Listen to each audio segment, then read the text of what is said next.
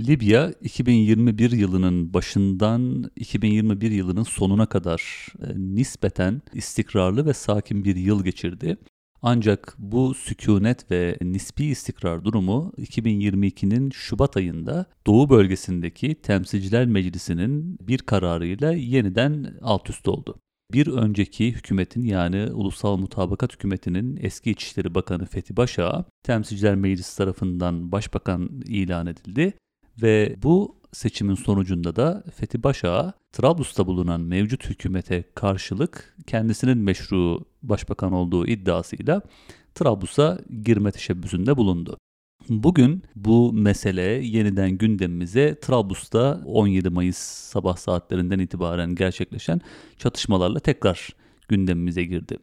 Fethi Başağı 16 Mayıs'ı 17 Mayıs'a bağlayan gece e, saat 3 sıralarında Trablus'a giriş yaptığını duyurdu ve sabahında ise bunu fark eden Fethi Başağ'ın başbakanlığına e, muhalif diyebileceğimiz aktörler, silahlı gruplar, aynı zamanda mevcut başbakan Dibibe'ye bağlı askeri gruplar Fethi Başağ'ı Trablus'a sokan, onun korumalığını yapan, ona ev sahipliği yapan grupla çatışmaya başladı. Fethi Başağ e, aslında Şubat ayından bu yana yani başbakanlık iddiasında bulunmaya başladığı tarihten itibaren Trablus'a girmeye girme denemelerinde bulundu. Bu e, ilk denemesi değildi. Önce ilk denemesinde yine Başbakan Dibibe'ye bağlı birimler tarafından Trablus'tan çıkartılmıştı. Bir süre Tunus'ta çalışmalarını sürdüren Başak'a yine Tunus sınırından girme teşebbüsünde bulunmuş. Yine sınır birlikleri tarafından durdurulmuştu. Aradan geçen bu zaman zarfında Başak'a Trablus'a girememekle beraber Libya'nın güney bölgesi, doğu bölgesi gibi bölgelerinde, şehirlerinde belli ziyaretler gerçekleştirdi gerçekleştirdi. Hem e, Trablus'a giremediği için bu şehirlerde gezmek zorunda kalmıştı hem de e, bu şehir ahalileri, aktörleri tarafından destek arayışında bulunmuştu. Bu ziyaretlerin bir de tabii özel bir anlamı vardı. O da şu, mevcut e, Trablus'ta bulunan Ulusal Birlik Hükümeti'nin ve onun Başbakanı Dibeybe'nin Trablus'un dışına çıkamadığı şeklinde kendisinin muhalifleri tarafından yöneltilen bir eleştiri bulunuyor. Fethi Başağı aslında Trablus'un dışındaki doğu ve güney bölgelerinde ziyaretler yaparak yaparak başbakan sıfatıyla çalışmalarda bulunarak aslında e, Libya'nın ihtiyacı olan başbakan ve hükümet başı olduğu mesajını vermeye çalıştı. Yani Libya'nın aslında ihtiyacı olan şey Trablus'tan çıkamayan, doğu bölgesine, güney bölgesine nüfuz edemeyen bir başbakan değil. İşte benim gibi doğuya da gidebilen, güneye de gidebilen, herkesle konuşabilen bir başbakandır mesajını vermeye çalışıyordu. Ancak bütün bunlar yeterli olmadı ki Fethi Başağı yine de Trablus'a girme teşebbüsünde bulundu ve bu defa girmeyi başardı. Ancak girme şekli, girme saati bize gösteriyor ki yine de bunu e, gecenin geç saatlerinde aslında çok da kişilere duyurmadan gizlice bir giriş yapıp girdikten sonra sürpriz bir şekilde işte ben Trablus'tayım, sükunet içerisinde herhangi bir çatışma olmadan geldim şeklinde bir yayın yaptı. E, ancak ne zaman ki Fethi Başağ'ın başbakanlığını tanımayan gruplar, aktörler bunu fark ettiler.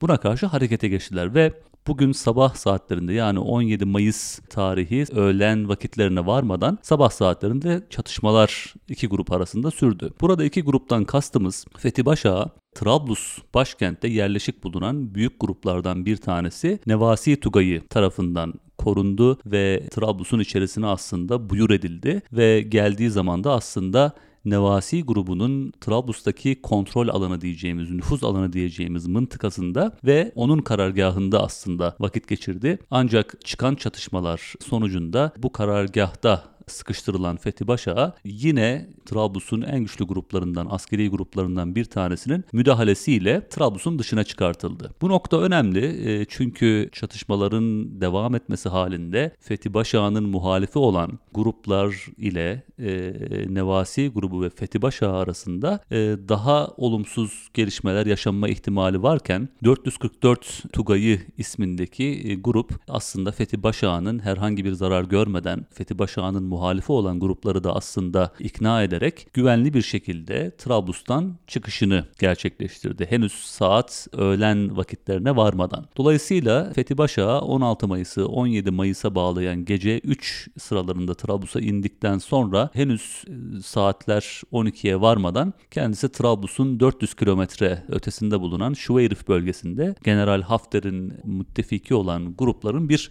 kontrol noktasına teslim edildi. Şimdi eğer Fethi Betty Basha Trablus'a girmesine müsaade edilseydi, orada başbakanlığını pekiştirmesine, çalışmalarını sürdürmesine müsaade edilseydi, bunun e, diğer silahlı gruplar açısından bir anlamı vardı. Aslında zaten çatışma çıkmasının sebebi de bu. Fethi Başağ'ı Trablus'un içerisine sokan, onun korumalığını üstlenen grupla Trablus'taki ve Misrata'daki diğer güçlü askeri gruplar arasında zaten öteden beri var olan bir güç mücadelesi var. Her bir grubun e, aşağı yukarı e, Trablus'ta kendi nüfuz alanları bulunuyor. Dolayısıyla eğer Fethi Başa başbakan olarak Trablus'ta kalabilseydi, çalışmalarını sürdürebilseydi, bunun sonucunda Nevasi Tugay'ı diğer askeri grupların hilafına kontrol alanını, gücünü ve nüfuzunu genişletmiş olacaktı. Bu diğer askeri gruplar açısından bir tehdit arz ettiği için güçlü bir tepki gösterdiler. Sadece mevcut başbakan Dibibi'ye olan sadakatleri sebebiyle bu çatışmalar olmamıştı. Bunun sonucunda Fethi Başağ'ın Trablus'tan artık ikinci defa işte bazı grupların araya girmesiyle ve ufak çatışmaların ve gerginliklerin sonucunda Trablus'u terk etmek zorunda kalmasıyla aslında siyaseten e, Fethi Başağ'ın Libya'nın batısında tutunabilmesi, Libya'nın batısındaki nüfusun yoğun olduğu bölgelerde Libyalılara hitap edebilmesinin e, ihtimali büyük oranda ortadan kalktı diyebiliriz. Kendisi bu başbakanlık serüvenini aslında Hafter ve doğuda bulunan e, Tobruk'taki Temsilciler Meclisi ve onun başkanı Akile Salih ile birlikte bir ittifak kurarak kendisi başbakanlık iddiasında bulunabilmişti. Şimdi o ittifak açısından da Fethi Başağ'ın artık işlevini kaybetmiş, vaatlerini gerçekleştiremeyen bir aktör olarak aslında o ittifak içerisinde bile son derece zayıf, eskisinden çok daha zayıf bir konuma düşeceğini öngörebiliriz. Bu saatten sonra Fethi Başağı için Trablus'un dışında belki Sirte olabilir, belki Bingazi olabilir. Libya'nın başka bir şehrinde daha önce Doğu bölgesinde Bingazi merkezli olarak faaliyet gösteren